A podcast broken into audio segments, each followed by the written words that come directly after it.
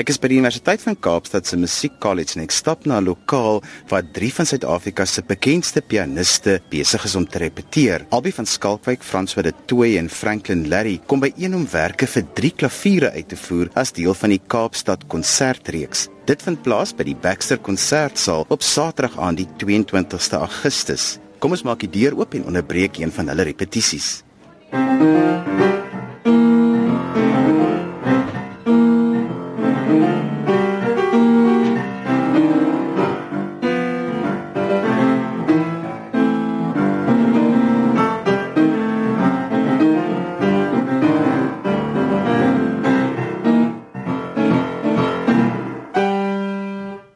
MUZIEK wil by Albie van Skalkwyk weet hoe dit is dat drie pianiste met sulke unieke style en aanslagte byeen kan kom om 'n konsert te lewer. Ehm um, ek dink die beste rede en die belangrikste rede is omdat ons lekker saam klaarkom, dat ons ons saam graag wil musiek maak omdat ons as twee klavierpartners op verskillende kombinasies genoeg ondervinding het om dit graag te doen en vir my waarom drie klaviere wat eintlik op geen ander plek bestaan nie is omdat daar orkesmusiek is wat ons ook graag wil speel. Wat julle het baie verskillende style en skielik moet julle nou op een verhoog wees met drie klaviere. Wel, ek dink mense kan sê ons het verskillende style, maar eintlik as mense so dit na na kyk, ons werk baie lekker saam en as ons bymekaar kom, is dit hele nuwe styl eintlik as as drie mense soort van bymekaar speel. En ek dink soos Albie gesê het, jy weet die ding van saam werk is vir ons so lekker. En ons is ook so dankbaar vir Albie want hy het al die werk gedoen om om al die note te transcribe om dit nou reg te doen vir ons om te speel want daar bestaan nie eintlik baie repertorium vir drie klaviere. Dis spesifiek wat ek nou wil vra is ek is nou baie bekend met twee klavierwerke, maar hoekom drie klaviere? Ja, kyk die twee klavier weergawe is die norm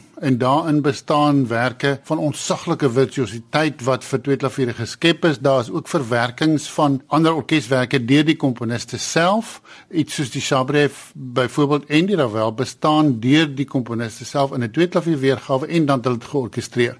Maar ehm um, dit bestaan dan is daar goed wat alles word na twee klaviere gereduseer ehm um, wat enigstens kan want dit is die norm. Maar omdat ons nou drie is en omdat ons drie klaar kom het ek gedink, waarom sou mens twee klavier goed opblaas, so nie die oorspronklike twee klavierwerke nie, maar juis orkeswerke wat ons andersins nie ons hande op sou kon lê nie. En dan kan ons goed soos 'n Prokofiev simfonie speel met ses hande wat dit die dit vat die bietjie druk op 'n mens in die twee klavier omstandigheid ook af dat daar nog 'n ekstra ons wens almal dat ons nog 'n ekstra hand het. Nou het ons twee ekstra hande. Dit maak die moontlikheid van meer detail in die skoor moontlik maar dit maak dit ook moontlik om steeds helder te bly want een ou is nie besig om met alles te cope nie. Ja En ook eh, de, om daarbey te voeg, miskien die logistiek van drie klaviere. Kyk, dit is nie oral, miskien lewe ons in die hoenderriem, maar ek dink ons is die enigste plek in die land waar ons eintlik tot ons beskikking het drie Steinway konsertvleuels.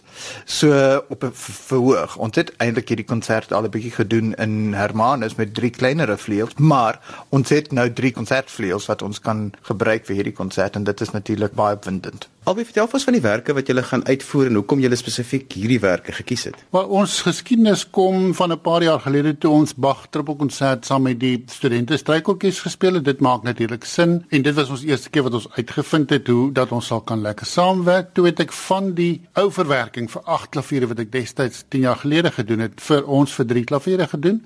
So dan gaan mens aan met die idee dat jy orkeswerke juis vir die ses hande sal doen. En dan is dit 'n kwessie van is jy lus om hier hierdie werk of is julle lus sien julle kans vir daardie.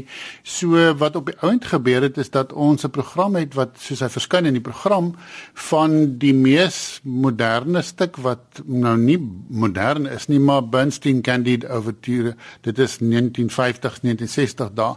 Dan die volgende stuk vir drie klaviere so 'n bietjie ouer en die volgende een weer ouer en ons eindig dan met 'n suiwer romantiese orkeswerk wat Duka se towenaar se leerjonge is wat wat 'n family favourite vir almal is en almal sal ken. Julle gee al drie klas soos julle is gewoond om die septer te swaai. As julle nou voor die klavier gaan sit, wie swaai die septer? Ons lag net.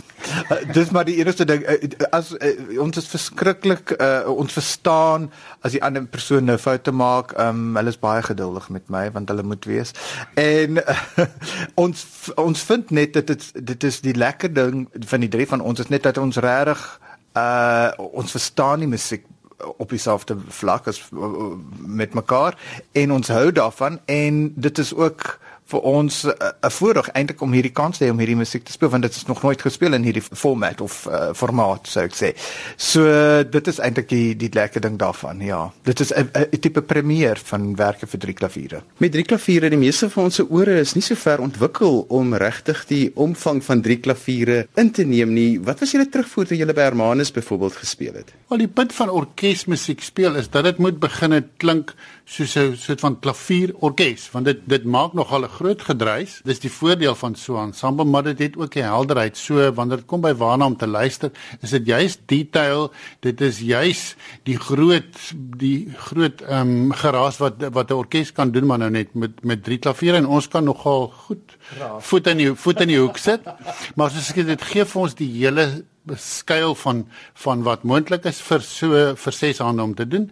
En ek dink op die einde om as ek net vroeër ook wat Frans gesê het van ons was al drie ons hele lewe lank besig met kamermusiek speel so dit gaan oor luister na ander mense luister wat doen hulle luister wanneer jou eie beurt is. So daar is hoewel dit nou natuurlik op die partituur moet staan klavier 1 klavier 2 en klavier 3 is daar nie so iets nie. Daar's geen tweede viool of derde viool hierson nie.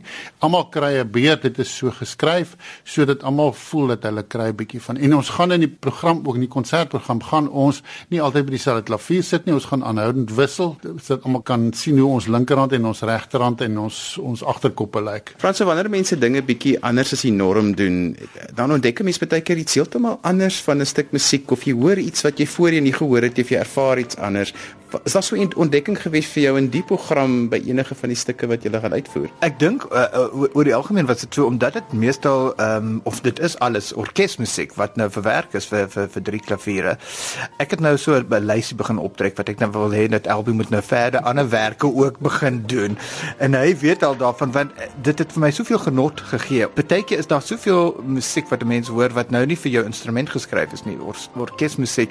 En nou is daar hierdie geleentheid om hierdie musiek te speel wat jy nou baie lief het of of jy hou baie daarvan om te hoor om dit nou 'n kans te kry ook in 'n in 'n anderste formaat nou ook te speel. As jy die musiek verwerk vir drie klaviere, Watse vryheid gee dit vir jou en kan jy so bietjie so bietjie buite die lyne gaan, buite die norm gaan met die verwerking? Verseker is dit moontlik want as mens hoef net na van die komponiste soos Ravel of Ducat te kyk wat wat in die orkes weergawe bestaan en hoe hulle dit baie keer reduseer na amper te min vir my smaak ehm um, by die twee klaviere en dan met ekstra paar hande is dit dan makliker om meer detail te bring. Dit wissel van komponis tot komponis stuk tot stuk, maar ja, mens wil altyd jou eie persoonlik. Eintlik is so herskryf van 'n partituur reeds al, dit sal ons sê interpretasie want jy moet uitlig wat jy dink die belangrike is wat mense moet en wil hoor in die orkespartituur. Ons kan ook nie alles inskryf in die ses hande nie, maar jy moet kies wat dit is en dit is al reeds die interpretasie wat vir my dit lekker maak.